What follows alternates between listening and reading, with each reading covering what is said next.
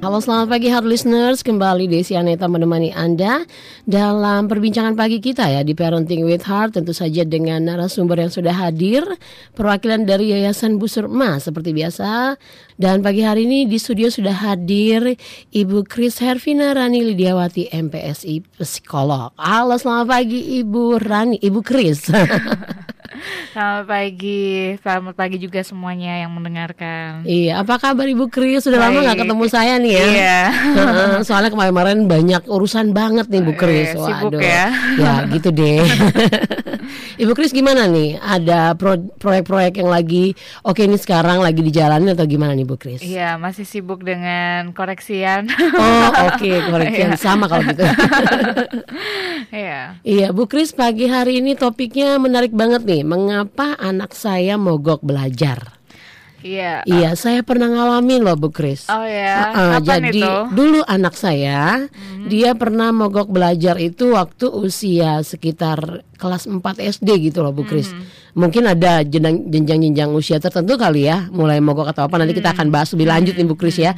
Kalau anak saya sih dia alasannya itu kayaknya sekolahnya udah dari dulu ya dari umur 2 tahun mungkin dia bosan iya itu mungkin bisa jadi nih ya Bu Kris yeah. ya nah Ibu Kris untuk membuka topik kita pagi hari ini mungkin bisa memberitahukan kepada hard listeners nih kira-kira uh, apa sih yang membuat Ibu Kris pagi hari ini untuk membahas mengapa anak saya mogok belajar. Silahkan Ibu Kris. Iya uh, mungkin salah satunya seperti kasusnya uh, anaknya tadi ya mm -hmm. gitu ya kenapa sih kok tiba-tiba anak saya mogok gitu ya di tengah mm -hmm. jalan gitu ya nggak mau belajar nggak mau menyentuh buku malah mungkin lebih memegang mainan banyak sih kasusnya mm -hmm. untuk uh, anak-anak mogok belajar ini nggak hanya mogok sekolah mobil aja bisa mogok kan ya ya jadi banyak hal yang uh, sebenarnya yang terjadi gitu ya mungkin mm -hmm. orang tua juga aduh pusing nih gitu ya mungkin nanti boleh sharing juga ya diapain mm -hmm. sih anaknya kalau mogok gitu gitu ya nanti ya mm-hmm. uh, terus uh, sudah dilakukan berbagai cara kok ya nggak bisa bisa gitu ya mm-hmm. kenapa sih dikasih ini nggak mau gitu ya ya udahlah pokoknya kamu belajar dulu deh gitu ya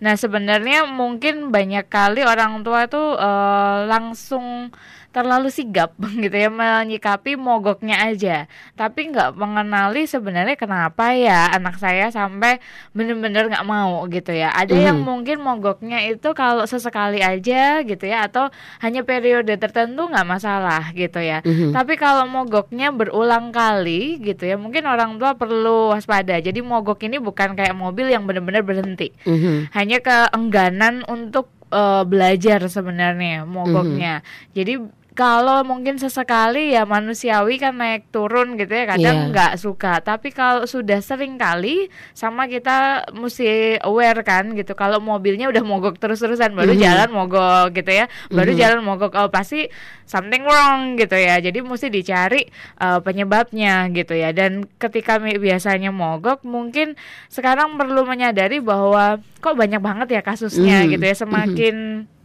ke sini semakin sering banget gitu ya. Uh, bener nggak sih uh, ini tuh hal yang biasa mm -hmm. gitu mhm. terjadi atau ada hal-hal tertentu ya misalnya merupakan itu sebenarnya tanda anak bosan mungkin hmm, gitu ya. Yeah. Atau sebenarnya memang ya anak sekarang ini emang kesadaran belajarnya rendah kok gitu ya. Banyak orang tua kan bilang gitu dulu saya nggak hmm. digituin yeah. belajar loh gitu betul, ya. Betul. Kenapa sih anak sekarang gitu ya?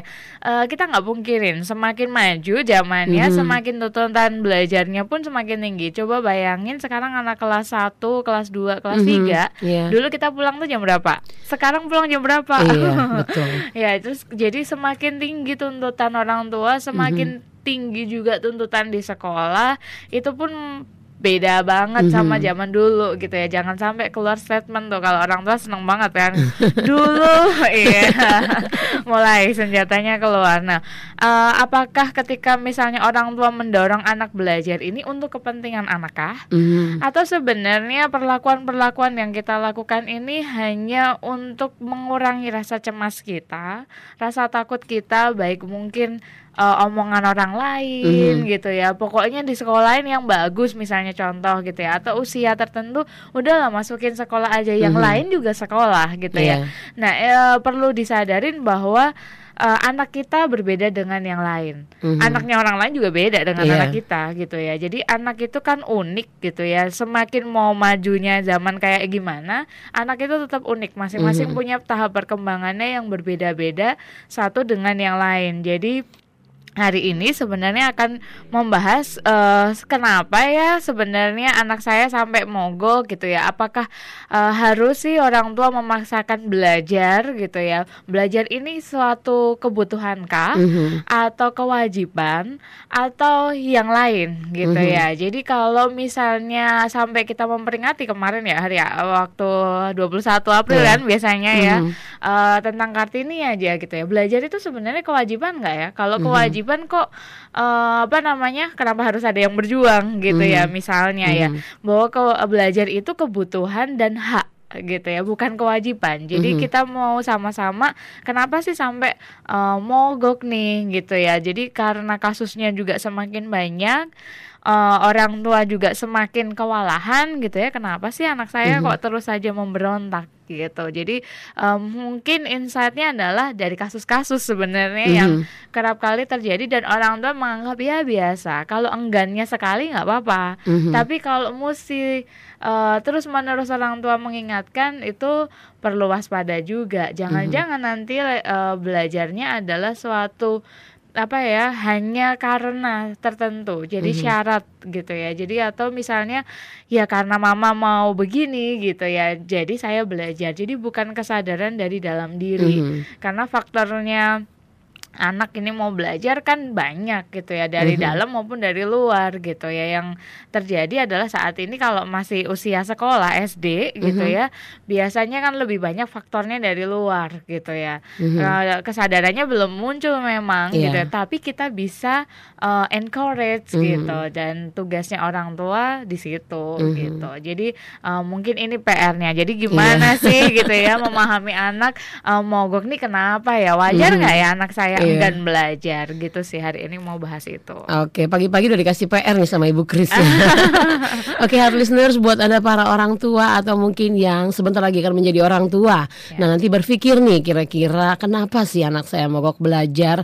Terus harus gimana nih ceritanya sebagai orang tua ya? Nanti akan dibahas lebih lanjut dengan Ibu Kris di sini. Nah, mungkin banyak nih penyebab-penyebab kenapa anak mogok belajar. Pasti hard listeners juga bingung apa sih penyebabnya. Silakan Iya. Ibu Kris. ya berarti tadi udah dijawab ya sebenarnya salah satu alasannya Nah, salah satunya itu kelamaan Iya, sekolah katanya. Usianya terlalu muda saat Terlalu masuk muda ya. sekolah gitu ya. Karena saat ini orang tua mungkin eh, sekaligus ya kalau sekolah itu jadiin kayak tempat penitipan gitu Iya, ya. sebenarnya dulu saya mikirnya begitu juga Bu Kris. Lumayan ya, dua jam setengah gitu Iya. bisa di luar. Kita bebas sebentar gitu ya.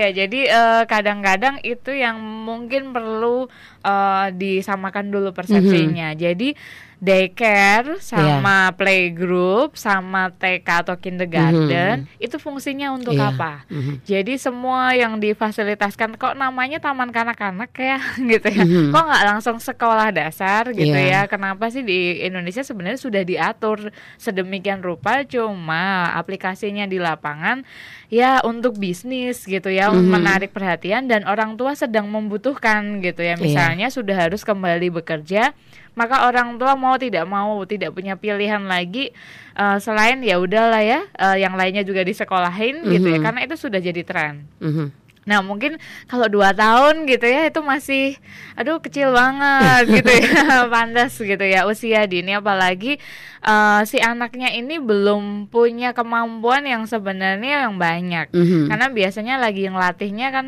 0 sampai 2 tahun tuh baru sensori motoriknya Iya. aja Mhm. gitu ya bahkan mungkin jam tidurnya itu masih butuh banyak banget Mhm. gitu ya berbeda dengan orang-orang yang dewasa uh, lainnya enggak kok mungkin orang tua bilang enggak kok anak saya udah bisa kok Mhm, gitu ya iya. bahkan oh aktif banget ya memang usia segitu ya usianya segitu memang lagi aktif-aktifnya Mhm. gitu ya di golden age itu 0 sampai 6 tahun gitu ya dikatakan memang ini lagi pesat-pesatnya Mhm. jadi wajar ketika anak-anak oh duh cepet banget kok diajarin bener Iya. tapi ini masanya hanya untuk mengenalkan gitu ya Mhm. mengenalkan eh, nantinya ini persiapan sekolah istilahnya kan Mhm. gitu supaya bisa nanti masuk ke sekolah yang formal di sekolah dasar untuk Mhm. mengenal kemampuan-kemampuan yang uh, tugas pertamanya kalau kelas kecil itu di SD Kalistung Mhm. bukan waktu di taman kanak-kanak sudah dibekali semua itu karena Iya. sekarang nggak dipungkirin gitu ya diminta bahwa di Mhm. SD harus sudah bisa baca Nah,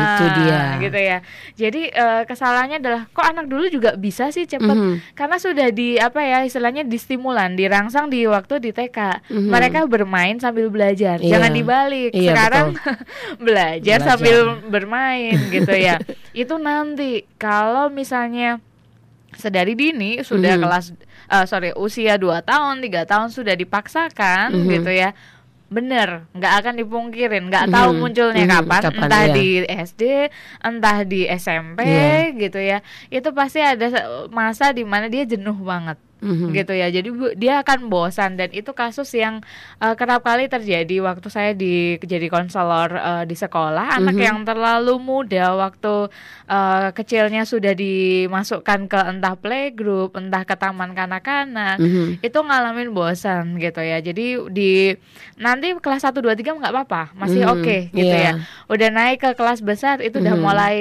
uh, collab semua gitu ya tepar bahkan mungkin oh ya SD masih bertahan nih gitu ya Mhm. SMP nggak tahan mereka Iya. gitu ya jadi macam-macam dia tergantung uh, perkembangannya Mhm. ada anak-anak tertentu yang memang gitu ya uh, sedari dini it's okay gitu ya sudah Mhm. masuk uh, apa namanya di kindergarten dan seterusnya karena memang dia udah fast learner gitu. Iya. ya beda kalau itu ceritanya gitu nggak perlu diajarin kadang-kadang sudah memunculkan sendiri Mhm. nah mungkin orang tua perlu uh, membedakan nih gitu ya anak saya tuh sudah siap belum sih gitu ya atau uh, yang kapan sih waktunya matangnya si anak ini bisa masuk sekolah karena Mhm. kalau semakin muda ya tadi Iya. rentan banget gitu ya jadi ya benar gitu ya Mhm. usia muda jadi jangan ngeremehin karena hanya ikut tren tadi sekali lagi Mhm. Orang tua yang lainnya masukin kok it's okay gitu ya Mhm. karena usia sekolah yang matang gitu ya tujuh tahun gitu Mhm, sebenarnya memang mhm. udah siap karena kemampuan kognitifnya udah harusnya masuk di uh, operasional konkret jadi udah si- ready gitu Mhm. ya jadi udah siap untuk menerima pembelajaran selebihnya mereka lagi istilahnya mempersiapkan diri namanya Mhm. juga sebenarnya uh, ada kurikulumnya persiapan untuk masuk sekolah gitu Iya. jadi bukan untuk sekolah beneran Mhm. Prasekolah ya Iya, namanya ya. prasekolah Mhm. gitu Iya. ya. Dan apalagi kalau apalagi ada yang berani kasih judul Taman Kanak-kanak. gitu. Berarti taman itu menyenangkan gitu ya. Dan itu untuk benar-benar bermain tetapi memang tetap distimulan dirangsang Iya. untuk kenal huruf, Mhm. kenal angka dan seterusnya. Tapi bukan untuk berhitung. ya, itu Tapi yang gini Bu Kris, eh, yang ada nih sekarang Mhm. praktisi pendidikan terutama untuk anak usia dini justru membuka kelas itu di usia yang sangat belia.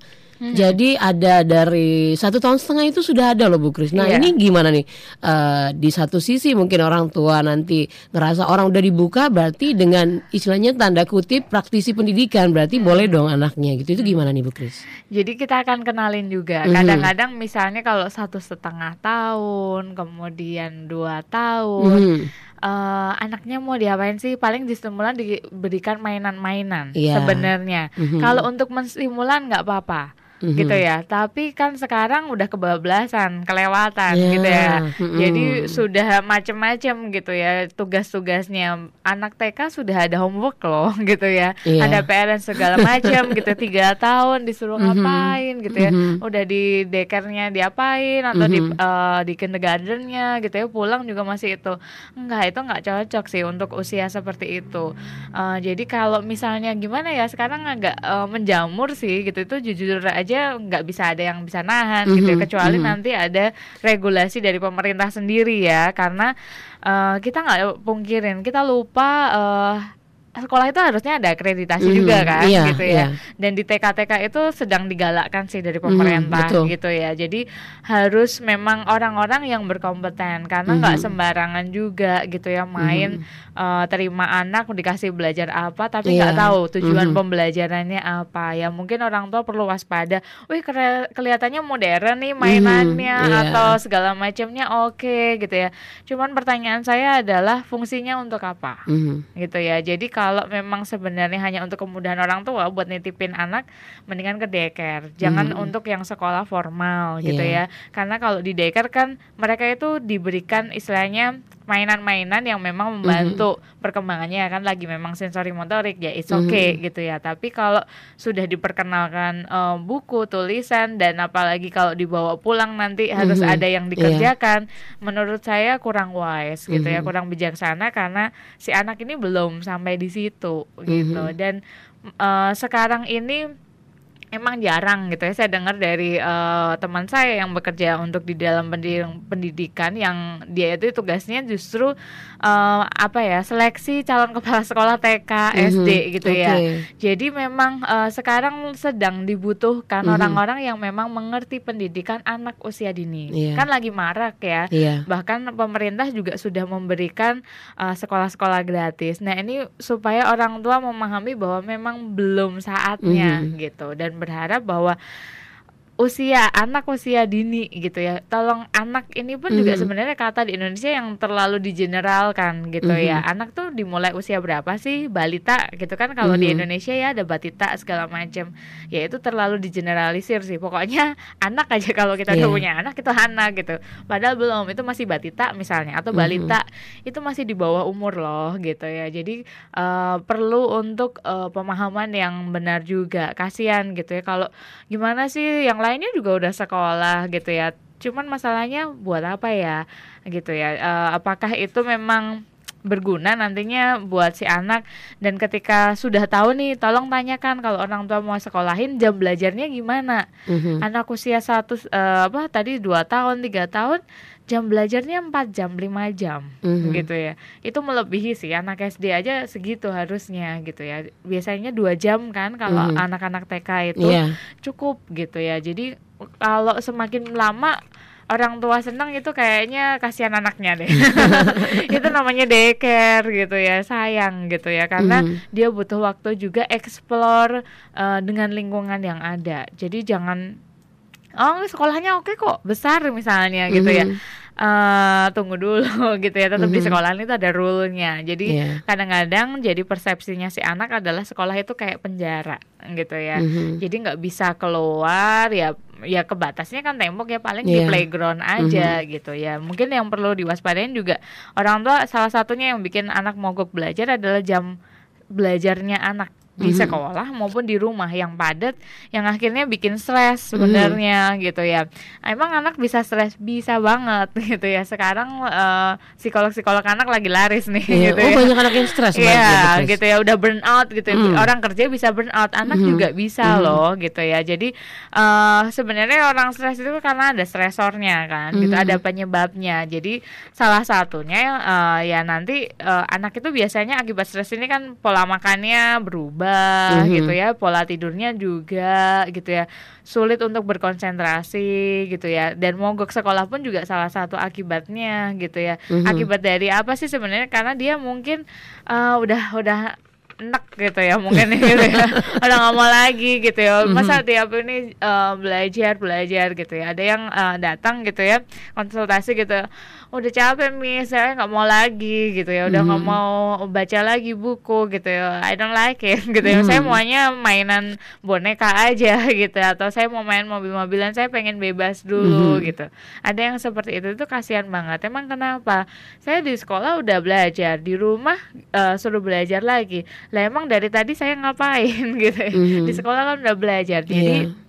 Eh, anak merasa jadinya salah satunya juga eh, anak merasa terancam nggak Mhm. nyaman kalau Mhm. kita nggak nyaman kan kita nggak mau juga ngelakuin Iya. sesuatu Hmm, kan betul. gitu ya jadi eh, buat belajar itu harusnya nyaman gitu ya tapi karena anak merasa bah eh, terancam juga contoh misalnya kalau nggak bisa ngerjain ini pasti guru akan eh, mungkin marahin juga atau Mhm. orang tua juga marahin juga gitu ya Mhm. kondisi yang tidak mengenakan ini membuat si anak mengasosiasikan belajar itu sesuatu yang menakutkan mungkin gitu ya atau sesuatu yang eh, aduh mendingan yang lain deh nggak usah belajar Mhm. gitu ya karena dianggap sesuatu yang itu bikin nggak nyaman gitu ya apalagi Mhm. kalau lingkungannya juga nggak mendukung itu gitu ya jadi eh, selain rasanya yang dia rasakan tadi nyaman atau nggak nyaman gitu ya merasa terancam bahkan gitu ya Mhm. dia biasanya kalau kayak gitu terus gitu ya polanya oh kalau saya dapat nilai jelek dimarahin Hmm. gitu ya lama-lama tuh anaknya juga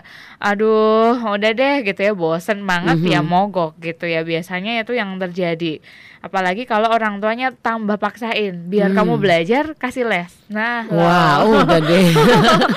itu pelengkap gitu ya pelengkap membuat anak udah stop saya nggak mau belajar lagi gitu jadi eh, kadang-kadang orang tua berharap bahwa dengan les anak ini muncul kesadaran belajar salah gitu ya justru mungkin anak butuh break juga Iya. refreshing gitu ya Mhm. karena di sekolah sudah belajar gitu ya karena yang saya temui anak-anak yang punya kesadaran belajar itu bukan anak-anak yang justru banyak les Mhm. eh, tiap hari les gitu ya. Kalau les itu sebenarnya bikin refreshing buat anak itu. Oh ya, kamu nggak les belajar? Enggak gitu ya. Les itu saya pilih yang membuat saya happy. Mhm. Nah orang tua juga salah kan musik itu menyenangkan buat siapa gitu ya. Ada anak-anak tertentu yang nggak suka Iya, soalnya betul. gitu ya. Jadi eh, orang tua yang senang atau anaknya tanya Mhm. kalau mau les itu tanya ke anaknya. Mhm. Kalau anak saya minatnya ganti-ganti ya namanya lagi explore. Iya, betul. Jadi it's okay gitu ya. Jadi ada anak tertentu yang memang sudah tahu bakatnya dari dini, ada yang lagi coba-coba ya nggak masalah gitu. Jadi Mhm. eh, perlakuan orang tua pun juga terhadap anak itu mempengaruhi mood tadi Mhm. seperti yang saya bilang Anda menawarkan atau Anda memaksa gitu Mhm. ya.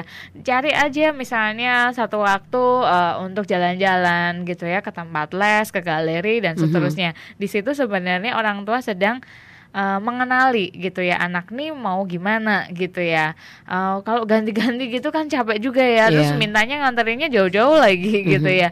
Eh ya ini tadi sebenarnya balik lagi tujuannya buat siapa. Iya. Ya, jadi eh, perlakuan orang tua pun mempengaruhi nantinya mood anak dalam belajar gitu ya. Mhm. Cara memperlakukan anak juga eh, beda-beda gitu ya. Mhm. Sekali lagi, apakah orang tua itu eh, kerap kali mengeluarkan statement gini, kamu harus belajar gitu ya. Biasanya gitu kan, harus belajar supaya jadi gitu ya anak pintar atau orang yang sukses dapat nilai 100 dan seterusnya. Kata harus sepertinya wajar, tapi sebenarnya itu lagi menanamkan ini tuh wajib, wajib kudu mesti gitu ya, Mhm. mas kudu gitu ya. Eh mungkin diganti akan lebih enak. Jadi misalnya kamu tuh butuh belajar supaya lebih memahami misalnya, atau kamu butuh buat waktu buat baca gitu ya. Jadi ditanamkan di encourage ini bukan keharusan. Lagi pula misalnya kalau kemarin nih gitu ya kita lihat sejarahnya gitu ya. Bukan masalah eh, wajib atau enggak loh. Belajar Mhm. tuh kebutuhan loh. Mhm. Biar kita tahu, biar punya wawasan dan seterusnya. Saya pikir orang tua kan pintar ya bersilat kata gitu ya. Mungkin lebih jago. Siapa tahu juga ada yang mau sharing gimana ya. Mhm. Nggak tahu kalau Mbak Desi gimana supaya anaknya nggak eh, apa nggak mogok tadi gitu ya. Kalau dulu sih saya ingat saya kasih dia libur tiga hari Bu Kris. Oh. Jadi memang kasihan juga ya. Kebetulan saya ambil yang untuk akhir di weekend. Hmm. gitu. Jadi itu sama sekali kita nggak nyentuh yang namanya buku atau apa gitu ya. Jadi benar-benar kita eh, saya ajak dia bermain. Jadi ada satu tempat main itu yang eh, lebih mengutamakan eh, sensorik. Jadinya dia buat clay di situ dia eh, feed the fish. Pokoknya satu harian itu selama tiga hari berturut-turut melakukan sesuatu. Sebenarnya belajar sih ya. Tapi kan dalam kegiatan bermain. Sampai akhirnya dia sendiri yang minta. Kayaknya harus balik lagi ke sekolah. Ngapain juga nggak masuk gitu. Oh, itu oke. sih dulu saya. Sen terapi ya salah satunya ya. Mm-mm. Iya, jadi ada yang memang uh, langsung pakai metodenya seperti itu.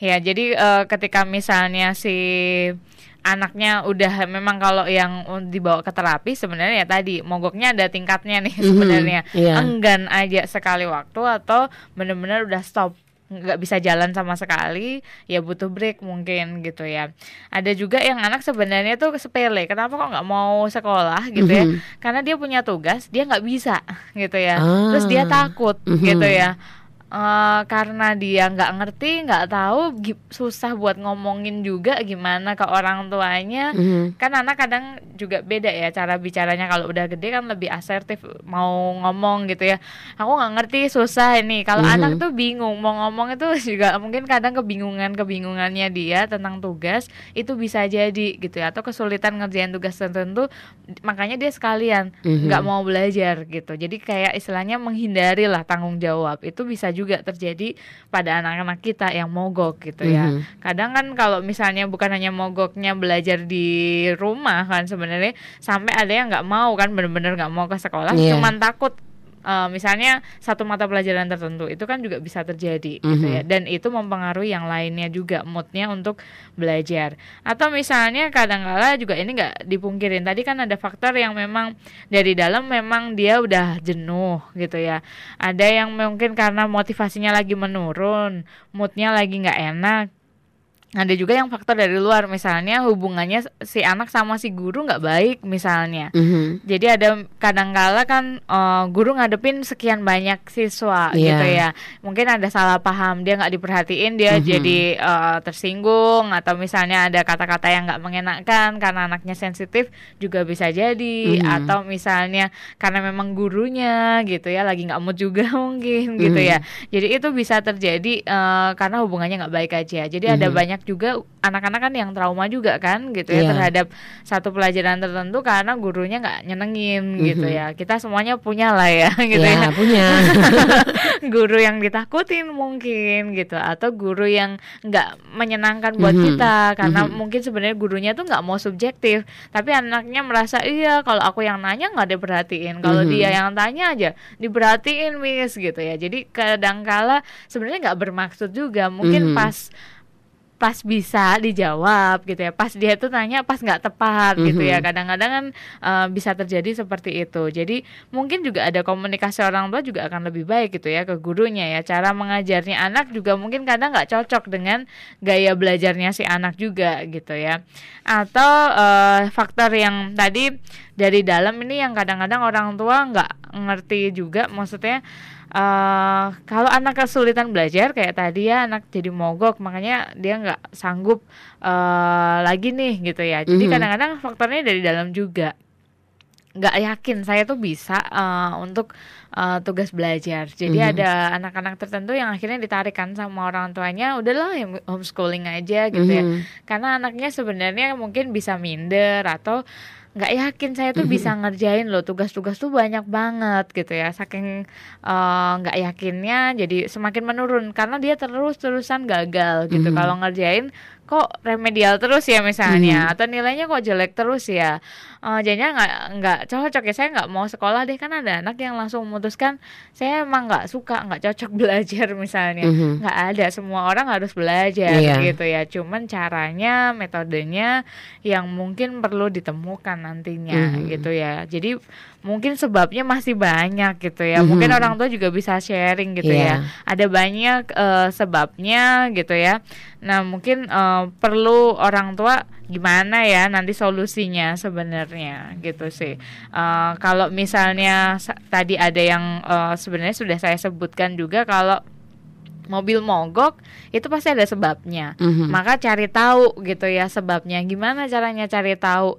Ya ajak anaknya untuk uh, bicara dulu, mm. jangan uh, terburu-buru gitu mm. ya untuk uh, mengiming-imingi atau marah-marah gitu ya. Misalnya mm. kamu kok nggak belajar begini-begini, nggak tunggu dulu, wait gitu ya. Ini mm. anak enggan belajar karena apa ya mm. gitu ya. Oh mungkin saja karena bosan ya. Tadi kalau misalnya mbak Desi tiba-tiba langsung, oh ya udah deh gitu ya. Ya udah libur aja dulu, break aja dulu lah gitu ya. kadang-kadang uh, itu bisa it's work gitu ya, bisa mm. tepat, tapi kadang-kadang juga belum tentu tepat mm -hmm. karena mm -hmm. mungkin sebenarnya sebabnya yang lain mm -hmm. mau kasih libur seminggu kalau dia takut sama gurunya iya. nggak akan kelar untuk waktu itu saya tepat ya iya.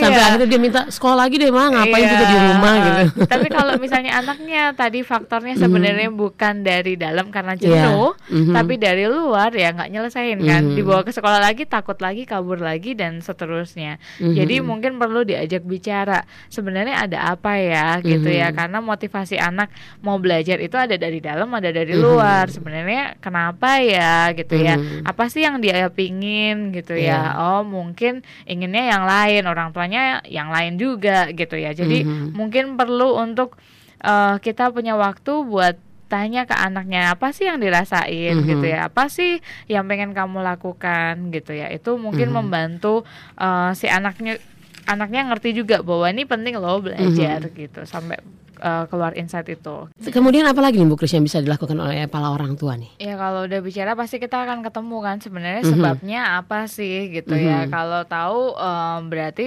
akan lebih membantu juga orang tua sebenarnya apakah karena dari dalam apakah dari luar ya tergantung diselesaikannya ya sesuai dengan penyebabnya pastinya Mhm. gitu ya. Ada yang memang perlu misalnya kalau mobil itu bener-bener payah gitu ya bawa ke bengkel ya kayak Mhm. misalnya tadi anaknya Desi gitu ya udah payah banget misalnya ya udahlah ya bikin kasih terapi Iya. sandplay atau Mhm. Art terapi itu Mhm. banyak yang dipakai juga jadi bikin dia relax Eh, tapi sekali lagi butuh eh, apa namanya tahu dulu gitu ya Mhm, sebabnya memahami ya. Ya, memahami sebenarnya kenapa ya Mhm. gitu ya kalaupun misalnya sebabnya dari luar eh, bukannya kita tambah nakut-nakutin gitu Mhm. ya tetapi akan eh, kita akan membantu anak ini supaya punya rasa percaya diri untuk eh, pergi ke sekolah misalnya saya nggak suka misalnya teman-teman ngejek saya gitu Mhm. karena saya dapat nilai jelek misalnya Eh, ya dibantu supaya dia punya rasa percaya diri bahwa kamu buktiin kalau semakin pergi ya teman-teman akan tambah ngejek Mhm. kan gitu ya kamu buktiin bahwa kamu harus bisa lebih gitu ya misalnya seperti itu jadi supaya anak-anak itu juga eh, bisa mengasosiasikan bahwa belajar itu menyenangkan bukan Mhm. sebaliknya itu nggak menyenangkan banget dan memang butuh waktu sih buat tahu Mhm. penyebabnya ini kemudian juga mungkin orang tua juga perlu kenalin anaknya lebih lagi adalah kenalin minatnya si Mhm. anak atau kesukaannya si anak kenali kelebihannya kelemahannya dan bahkan kalau berkaitan dengan belajar gaya belajarnya mungkin Ya. Mhm. jadi ada yang mem- memang lebih senang kayak misalnya udah tanya jawab soal misalnya. Mhm. Jadi dia lebih senang kalau mamanya ngoceh-ngoceh gitu ya. Mhm. eh, dia dengerin gitu ya. Itu akan lebih cepat nangkep misalnya. Atau anak-anak yang memang eh, senang dengan lihat sesuatu, gambar-gambar Mhm. misalnya bikin mind mapping dan seterusnya. Ada juga yang eh, kok nih anak belajar nggak bisa duduk diam sih gitu Mhm. ya. Jalan-jalan sambil ketok-ketok meja dan seterusnya. Ya itu kinestetik misalnya Iya. yang it's okay gitu ya dan bisa dikombin kan anak nggak harus belajar tuh nggak harus saya nggak sepakat nih gitu ya kalau Mhm. dulu belajar duduk gitu ya tangannya harus eh, apa namanya Rapi. dilipat ah, gitu ya nggak harus gitu ya Mhm. karena gaya orang untuk belajar juga beda-beda jadi kalau misalnya ada anak anak saya tuh nggak pernah belajar loh siapa bilang di sekolah Mhm. dia dengerin guru itu mungkin dia gayanya seperti itu Iya. jadi sekali mendengar ya sudah itu dianggapnya memang sudah tahu kok Mhm. gitu ya mungkin perlu diulang lagi uh, ya sambil ngomong misalnya ya uh, dia ngomong sendiri terus uh, dia juga dengerin kan gitu ya itu buat dia udah belajar Uh, mungkin orang tua persepsinya kalau belajar tuh harus duduk ada buku nulis Mhm. gitu nggak siapa tahu dia memang lagi kan reka ulang gitu kan hanya dia kan yang tahu Iya. kalau yang untuk uh, orang-orang tertentu yang suka lebih seneng denger gitu ya Mhm. misalnya kalau sekarang sudah ada apa tape recorder atau MP3 gitu ya Mhm. di record kemudian dia dengerin itu udah belajar ada Mhm. orang-orang tertentu yang seperti itu gitu ya jadi kalau mu- mem- memaksakan gaya belajarnya orang tua ke anak itu juga nggak tepat gitu ya jadi mungkin akan lebih enak kalau eh combine semuanya lah gitu ya ada yang waktunya untuk menulis ada baca ada waktunya memang dia caranya dia gimana sih lebih nyamannya kamu Mhm. gitu ya supaya uh, memahami. Selain kenalin gitu ya ke tadi kebiasaannya gaya belajarnya itu akan membantu kita juga tahu sebenarnya si anak ini setara nggak dengan anak-anak seusianya kemampuan kognitifnya. Oh kalau sebenarnya kemampuan kognitifnya setara ya nggak masalah. Berarti Mhm. butuh di encourage aja. Tapi kadang-kadang kan uh, anak-anak itu sebenarnya punya kemampuan kognitif di bawahnya gitu ya misalnya di bawah anak-anak usia seusianya artinya Mhm. kita bisa ukur lewat mana jadi umur kronologis atau umur yang sebenarnya sama umur mental anak itu beda Mhm. sebenarnya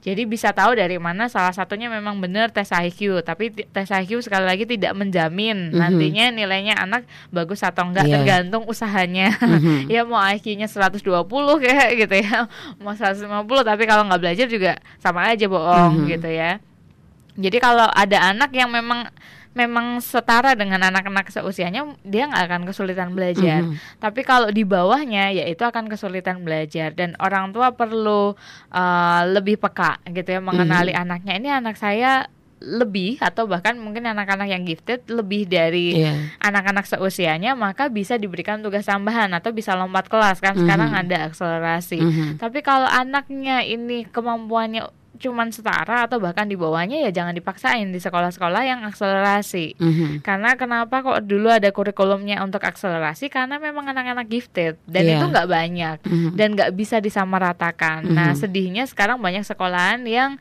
menyamaratakan anak gitu Mhm. ya. Jadi dulu kan ada itu ya kelas unggulan Iya. misalnya Mhm. atau untuk kelas yang biasa ya memang wajar kalau ada yang unggulan karena memang dia kemampuan kognitifnya di atas Iya. anak-anak seusianya. Kalau anaknya di bawah kemampuannya apakah perlu dipaksakan untuk belajar? Eh, perlu bijaksana. Mhm. Ada yang bisa untuk mengikuti, ada yang tidak bisa. Jadi ya Mhm. mendingan biar dia matang. Jadi misalnya umur eh, kronologisnya 8 tahun, tapi umur mentalnya, kemampuan kognitifnya misalnya di bawahnya Mhm. setara dengan anak-anak usia lima tahun. Ya harus diterima Mhm. gitu ya. Jadi nanti dulu sekolahnya daripada nanti dimasukin ke sekolah dia tinggal kelas Mhm. Atau kalaupun dipaksain kalau di SD di katrol ini kasihan banyak anak-anak yang kalau SD tuh gurunya lebih longgar kan gitu ya udahlah naik aja naik gitu Mhm. ya Iya. nanti pas di SMP kewalahan di Mhm. situ itu lebih malu mendingan di SD aja gitu ya Mhm. stay-nya dibandingkan nanti dipaksain di katrol Mhm. katrol gitu ya eh, apa sampai nanti akhirnya di SMP udah nggak ada yang bisa nolong lagi Hmm. gitu ya Sebenarnya nggak masalah berarti ya untuk tinggal kelas atau apa Lebih itu baik. masalah ya Bu Hmm, Kris. Karena kemungkin kemampuannya memang tidak setara dengan anak-anak seusianya. Ya. Seusianya, Jadi mm-mm. kalau misalnya ada orang-orang yang menentang bahwa harus naik kelas atau sekolahan-sekolahan Mhm, iya. tertentu harus naik kelas, menurut saya kurang bijaksana. Mhm. Tergantung kasusnya. Nih anak misalnya nih motivasinya kah atau kemampuan kognitifnya. Mhm. Kalau ada buktinya akan lebih enak. Iya. Jadi ada beberapa sekolah yang kalau masuk di sekolahan itu dites intelijensinya. Mhm. Kalau memang sebenarnya setara, itu masih ada istilahnya kesempatannya. Tapi kalau memang dia kemampuannya segitu gitu ya, Mhm. pegang pensil aja belum bener misalnya. Nulis aja udah masih kayak cakar ayam di- sampai eh, SMP gitu ya. Mhm. Itu kan kasihan dulu waktu di SD gimana ya kok nggak Mhm. dibantu ya dan itu membantu anak kayak gitu lagi itu effortnya eh, aduh gitu ya kalau gurunya udah di SMP atau dapat di kelas besar kasihan gitu Mhm. sih jadi it's okay gitu ya kalau tinggal kelas di SD nggak masalah gitu ya karena sebenarnya bukan masalah nggak naik kelas atau turun kelas Mhm. dia lagi menyesuaikan diri Iya. gitu ya sesuai dengan eh, tugas belajarnya saat itu jadi it's okay jadi orang tua pun juga bisa belajar bersikap positif terhadap Mhm. apa yang terjadi di sekolahan atau misalnya kegagalan anak juga gitu ya Mhm. Uh, atau misalnya ada tugas belajar di sekolah, orang tua juga mesti sikapnya positif. Mhm. Maksudnya uh, ketika ada tugas gitu, orang tua jangan ngomel-ngomel dulu. Ini gurunya nih gitu ya ngasih tugas aneh-aneh dan seterusnya. Mhm. Itu kan jadi uh, anaknya punya pembelaan juga Iya. gitu. Itu kan kata orang tua juga nih gurunya nyebelin, Mhm. tugasnya ini terlalu banyak dan seterusnya dan seterusnya. Kalaupun menunjukkan rasa ketidaksukaan gitu ya, jangan di depan anak gitu Mhm. ya. Uh, encourage ya. Itu tugasnya membantu kok nanti prepare buat misalnya ujian gitu ya. Jadi it's okay gitu ya. Ya dikerjakan semampu kamu gitu dan mungkin orang tua juga perlu menurunkan standarnya gitu ya. Jadi supaya uh, anak pun merasa bahwa dihargain oleh orang tua gitu ya. Jadi penghargaan terhadap anak pun ini penting gitu ya Mhm. bahwa mereka ini masih anak-anak loh gitu ya. Mereka masih butuh waktu buat menyesuaikan diri juga Mhm. gitu ya. Dan mereka ini punya perasaan juga sama seperti orang dewasa. Kalau Mhm. dipaksa kan nggak enak ya. Kalau ditekan terus juga nggak enak. Dimarahin terus juga nggak mau kan Mhm. gitu ya. Jadi eh, mereka juga bisa memutuskan sendiri kok gitu ya nanti dibantu pelan-pelan tapi pasti jadi Mhm. orang tua pasti menginginkan yang terbaik untuk anak tetapi jangan lupa persepsi anak terhadap perlakuan orang tua pun beda-beda Mhm. M- maunya niatnya baik gitu ya tapi persepsinya si anak beda gitu ya. Mhm. Orang tua uh, maksa saya terus. Duh, ini mungkin pengalaman juga Bapak Ibu juga pernah ngerasain. Dulu tuh ya dulu ampun-ampunan ya dipaksa orang tua gitu ya. Mhm. Saya ingat juga mama saya mesti paksa saya untuk belajar aduh ampun-ampunan. saya udah nggak mau, nggak suka gitu. Tapi sekarang ngerasain. Coba Mhm. kalau dulu nggak disuruh ya, Mhm. mau jadi apa Iya. ya? Tapi eh, caranya, jadi Mhm. kalau nyuruh belajar, saya asosiasikan yang enak gitu ya. Mhm. Anak mama saya itu nyuruh belajar, saya akan bebas pekerjaan rumah Mhm. gitu ya. Mhm. Nggak perlu beresin kamar, nggak perlu apa ya. It's okay. Mhm. Waktu masa ujian, waktu yang menyenangkan, Mhm. makanan tersedia. Nah, kalau diasosiasikan hal yang menyenangkan otomatis akan terencourage sendiri asik Mhm. gitu ya udah mau ujian nanti pasti eh, bebas tugas Iya.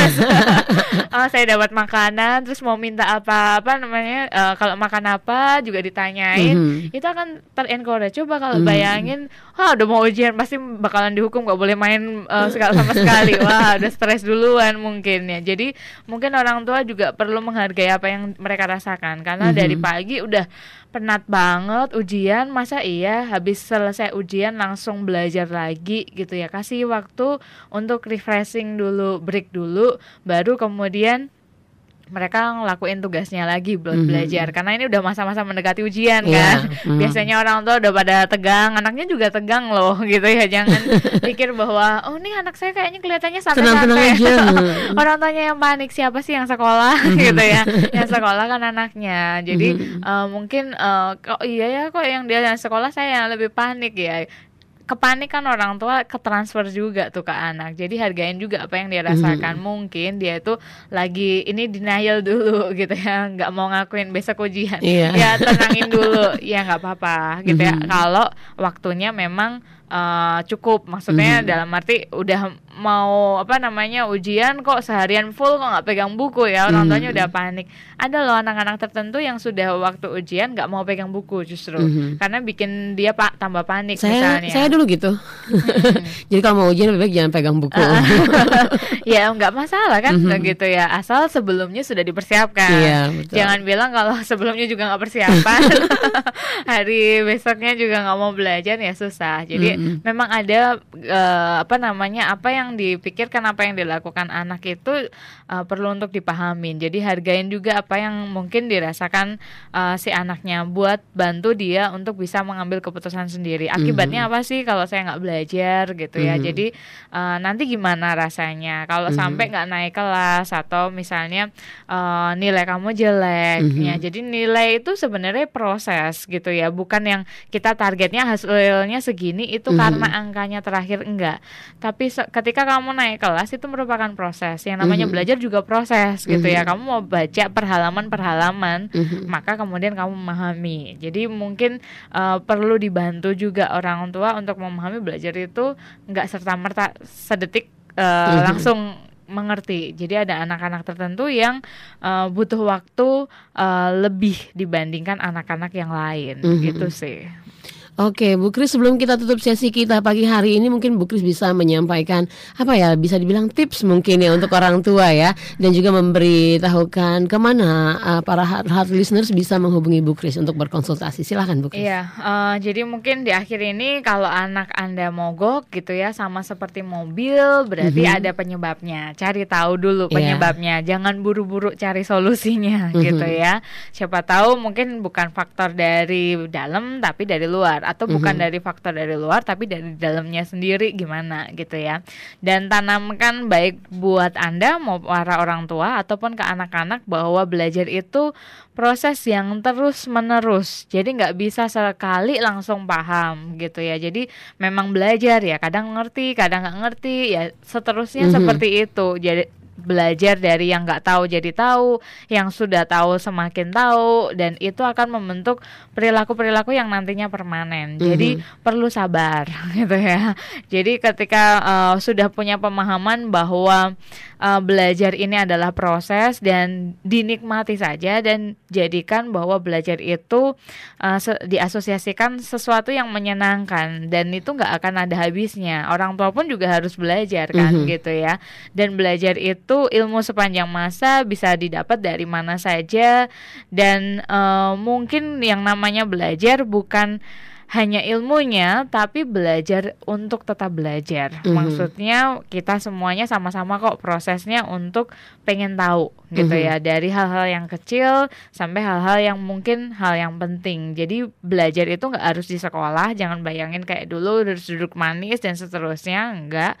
Dan cara anak belajar juga beda-beda, metode belajarnya pun berbeda-beda. Mm -hmm. Jadi berharap uh, orang tua juga memperlakukan seperti ingin diperlakukan gitu mm -hmm. ya. Belajar ingin diasosiasikan menyenangkan ya, berarti perlakukan anak juga dengan menyenangkan juga mm -hmm. supaya uh, anaknya juga mengasosiasikan belajar itu menyenangkan. Mm -hmm. Gitu sih. Uh, nah, kalau mau menghubungi, kalau mau tanya-tanya boleh di line saya, boleh di Kris Servina atau di 0858 680 50999 tiga kali sebenarnya. Oke, terima kasih banyak Ibu Kris atas informasi yang berguna pagi hari ini. Semoga sukses dengan segala sesuatu yang dilakukan oleh Ibu Kris. Amin. Iya, oke hard listeners itulah tadi perbincangan kami dengan Ibu Kris Hervina tentang mengapa anak saya mogok belajar. Semoga yang kami sampaikan pagi hari ini bisa berguna buat keluarga Anda. Happy weekend. Anda baru saja mendengarkan program Parenting with Heart. Bila Anda ingin merespon program ini, sampaikan tanggapan, pertanyaan, atau komentar Anda melalui surat ke PO Box 489 TNK 15001, SMS atau WA ke 0817 881006 atau email ke tanya at jejakhati.com. Terima kasih atas perhatian Anda.